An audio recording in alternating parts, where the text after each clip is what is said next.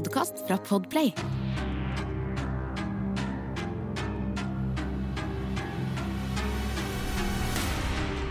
Hei og velkommen til Forsyningsfredag podcast. Denne episoden kan være veldig skremmende for enkelte lyttere, så dersom du er yngre eller sensitiv, så vil jeg anbefale deg å enten lytte til episoden med en voksen du stoler på, eller skru av. Dette er saken om en 16 år gammel jente som forsvant sporløst i 2018. Og den saken her har skapt en hel del drama offentlig, faktisk, mellom Carlys biologiske mor, biologiske far og også Carlys stemor. Dette er en sak som bl.a. har blitt omtalt på programmer som Dr. Phil, og til dags dato er det veldig veldig bred uenighet i hva som faktisk skjedde denne kvelden. La meg fortelle deg litt om Carly Gusay.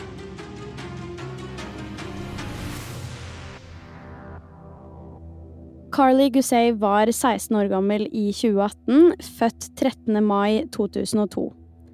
Hun hadde blå øyne, mørkeblondt hår, var rundt 1,70 høy og hadde ring i venstre nesebor. Etter hva jeg har klart å finne, så var også Carly enebarn, og foreldrene hennes heter Lincy og Zack. Disse to skilte seg da Carly var rundt to år, og etter hvert fant Zack seg en ny dame, som da heter Melissa. Zack og Melissa endte da også opp med å gifte seg etter hvert, og i oppveksten så bodde faktisk Carly først sammen med moren sin i Bishop i California. Men etter hvert valgte hun heller å flytte inn sammen med faren og stemoren sin, som da bodde i Shalfant Valley i California. Det var da altså faren og stemoren som egentlig hadde oppdratt Carly, i hvert fall den største delen av livet hennes. Stemoren til Carly, altså Melissa, forklarer at Carly virket veldig glad og livlig selv etter flyttinga, og det virka ikke som at dette hadde påvirket henne noe særlig i det hele tatt, med tanke på at dette her lå veldig nært til der hun bodde før i Bishop. Hun kunne jo da fremdeles henge med de samme vennene og gå på samme skole, så det her var liksom ikke noe helomvending i livet hennes i det hele tatt. Som 16-åring gikk jo da Carly sitt første år på videregående, men ved siden av det så hadde hun også en deltidsjobb i samme selskap som Melissa jobbet i. I tillegg til det så var hun også sammen med en fyr som heter Donald, og det gjorde egentlig bare at fritiden hennes stort sett besto av å enten være på jobb eller med kjæresten, samtidig som hun også elska å danse, så hun brukte veldig mye tid på det. Carly blir beskrevet som en veldig livlig jente som var godt likt av alle. Hun hadde stort sett alltid et smil om munnen, og hadde ifølge folka rundt seg ganske sær humor. Den biologiske moren hennes, altså Lincy Fairley, forklarer også at Carly var en veldig populær jente, og alle som fikk være i nærheten av henne, digget henne. Lincy er også en av de som har vært absolutt mest vokale i denne saken, ettersom hun virkelig har ytra hva hun både mistenker i saken og også tror om situasjonen. Dette kommer jeg tilbake til litt senere. 12. oktober 2018 var en fredag, og denne dagen så var Carly invitert på en fotballkamp sammen med vennene sine fra skolen. Men som du helt sikkert kan kjenne deg igjen i, så er det jo sånn at dette her er jo på en fredag, og ofte er sånne kvelder veldig spontane, så det ender gjerne ikke bare med den fotballkampen. Faren og stemoren til Carly var da hjemme den kvelden her, og hadde selv drukket et par øl til maten. Zack og Melissa var da helt sikre på at Carly var på denne fotballkampen etter planen, men i realiteten så endte hun aldri opp med å dra dit. Det som egentlig skjedde, var at Carly og vennene hennes bestemte seg for å heller henge i byen og gjøre egentlig alt mulig annet der. Dette sier da heller ikke Carly ifra om, så du kan jo se for deg hvilket sjokk Zack og Melissa får da de plutselig får en telefonsamtale fra Carly midt på natta. I denne telefonsamtalen så forteller hun at hun er veldig redd, og hun ytrer en eller annen form for bekymring, og spør da også Melissa om hun kan hente henne. Melissa har selv forklart at Carly hørtes veldig veldig paranoid ut under den samtalen her, og det var veldig åpenbart at hun faktisk var veldig redd. Hun var da så redd og paranoid at hun ikke engang ville at Melissa skulle legge på med Carly før de hadde møttes, og at Carly var sikker på at hun faktisk kom seg trygt hjem denne kvelden. For å beskrive enda tydeligere hvor paranoid og redd Carly faktisk var, så vil jeg fortelle dere litt mer om hva som skjedde da Melissa kom til det avtalte stedet. Det her var da på en trailer park, som de kaller det, og de andre som var der, har i etterkant forklart at Carly var helt ekstremt paranoid da hun snakka med stemoren sin på telefonen, og de beskriver tilstanden hennes som helt borte. Da Melissa kommer dit, ser hun faktisk ikke Carly noe som helst sted, og det er rett og slett bare ved en tilfeldighet at Melissa finner henne til slutt. Den tilfeldigheten her er rett og slett så liten som at lommelykta til Carly på telefonen hennes var på, samtidig som at hun løp nedover veien helt alene. Dette her var da rundt en engelsk mil unna dette stedet hvor de egentlig hadde avtalt å møtes, men hvorfor løp hun, og hva var det hun egentlig var så redd for? Så fort Melissa endelig har fått plukka opp stedatteren sin, så setter Carly seg inn i baksetet i bilen. Under bilturen er Carly da livredd for at bilen skal krasje, og hun virker helt rabiat mens hun prøver å bytte sete i bilen flere ganger. Hvorfor hun da ikke ville sette seg i forsetet og heller valgte å sette seg bak, er jo i og for seg merkelig nok, men hun begynner uansett å fortelle om kvelden til Melissa. Hun åpner da med å si at hun er veldig lei seg for at hun ikke dro på fotballkampen, selv om det egentlig var avtalen. Og så forklarer hun videre at hun og vennene hennes faktisk hadde røyka marihuana sammen denne kvelden.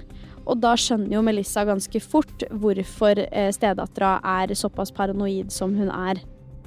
Det skal faktisk sies at akkurat rundt denne delen av historien så er det veldig bred uenighet i hvorvidt Carly faktisk kun hadde røyka marihuana, eller om hun også hadde fått i seg eh, andre ting. Flere mener det er veldig usannsynlig at hun kan få så tydelige reaksjoner, hallusinere og være såpass paranoid dersom hun kun har røyka, og at hun dermed må ha vært nødt til å ha fått det sløra med noe annet i tillegg.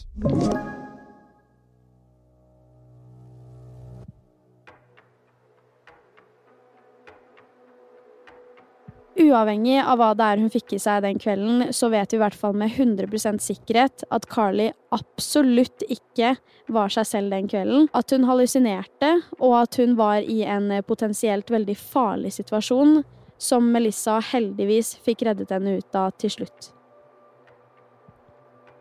Da Melissa og Carly kommer hjem, er fremdeles Carly såpass eh, paranoid og redd at hun spør Melissa om hun kan sove på rommet hennes sammen med henne og passe på, og da gjør jo selvfølgelig Melissa det. Det er faktisk forklart at når de kom hjem, så switcha Carly mellom å sitte i et hjørne og være kjemperedd og ikke si noe som helst, bare være helt borte, og å forklare om kvelden sin til eh, foreldrene sine, eller til stemoren og faren sin. Da de da kommer hjem, hadde også Melissa tatt opp telefonen sin og begynt å ta opptak av Carly, og har i etterkant fortalt at hun gjorde dette her for å kunne vise opptaket til Carly dagen etter, sånn at hun selv kunne høre hvordan det hørtes ut når hun var høy på hvilket enn narkotisk stoff hun hadde tatt den kvelden. Det er jo nå da foreløpig egentlig ingenting som skal tilsi at Carly bare skal forsvinne sporløst etter det her, spesielt hvis man tar i betraktning hvor hands on Melissa og også egentlig Zack har vært i denne situasjonen, i tillegg til at Carly selv er veldig kontaktsøkende. Vel, det her skal endre seg plutselig. På morgenen 13.10.2018 våkner Melissa til at Carly er helt, helt forsvunnet. Det finnes ingen spor, ingen indikasjon eller noe som helst som kan lede verken foreldrene eller politiet i noe som helst form for retning. Situasjonen her blir beskrevet som en helt, helt uvanlig en, fordi Carly hadde nå gått fra å være ekstremt paranoid og helt ødelagt kvelden og egentlig også natta før, til å bare plutselig fordufte ut i tynn luft. Etter dette her så er det faktisk sykt nok ingen utvikling i saken, ettersom politiet umiddelbart i situasjonen valgte å skrive av dette som en eh, rømling. Altså at Carly selv hadde valgt å rømme hjemmefra. Hvorfor hun da skulle ha gjort det, det er det ingen som vet. Men alt vi vet, er at det har vært mye drama rundt saken. Fordi den biologiske moren til Carly nå stiller seg kritisk til foreldrene. Til dags dato så aner vi jo fremdeles ikke hvor Carly Gussey er. Vi aner ikke hva som skjedde med henne den kvelden i det hele tatt, eller hvilke dopmidler hun hadde fått i seg. Den biologiske moren til Carly, altså Lindsay, har i etterkant av forsvinningen faktisk gått ut og sagt at hun stiller seg veldig kritisk til spesielt stemorens involvering i saken, og da tatt mest i betraktning opptaket som Melissa selv også har innrømmet å ha tatt av datteren kvelden før forsvinningen.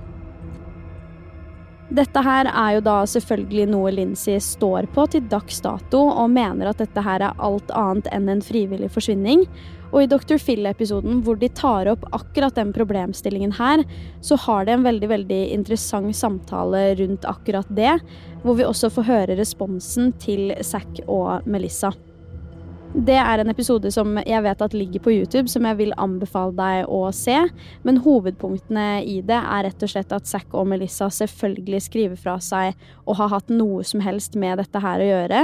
For hvorfor skulle de gjort noe som helst mot sin egen datter og stedatter? Det er også verdt å nevne at historien til Zack og Melissa over tid har endra seg gradvis, og det kan jo være for at man har glemt ting, eller at man husker ting annerledes. Men uansett så står de på at de ikke har hatt noe med dette å gjøre, og det er heller ingen som er verken dømt eller sikta i saken noen gang. Hva som faktisk skjedde med 16 år gamle Carly Gussey, får vi kanskje aldri vite. Men dersom du har noen tanker eller meninger rundt saken, så vil jeg veldig gjerne vite det. Og da kan du gjerne sende det inn til meg på Instagram, der jeg heter Forsvinningsfredag. Du har hørt Forsvinningsfredag podkast med meg, Sara Høydahl. Og dersom du vil høre om flere true crime-saker, så kan du også sjekke meg ut på YouTube, der jeg heter Sara Høydahl. Uansett så kommer det en helt ny episode av Forsyningsfredag-podden allerede neste fredag. Og i mellomtiden, ta vare på deg selv.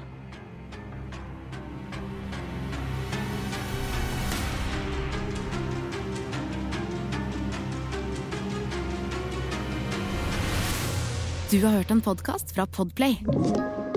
En enklere måte å høre podkast på. Last ned appen Podplay, eller se podplay.no.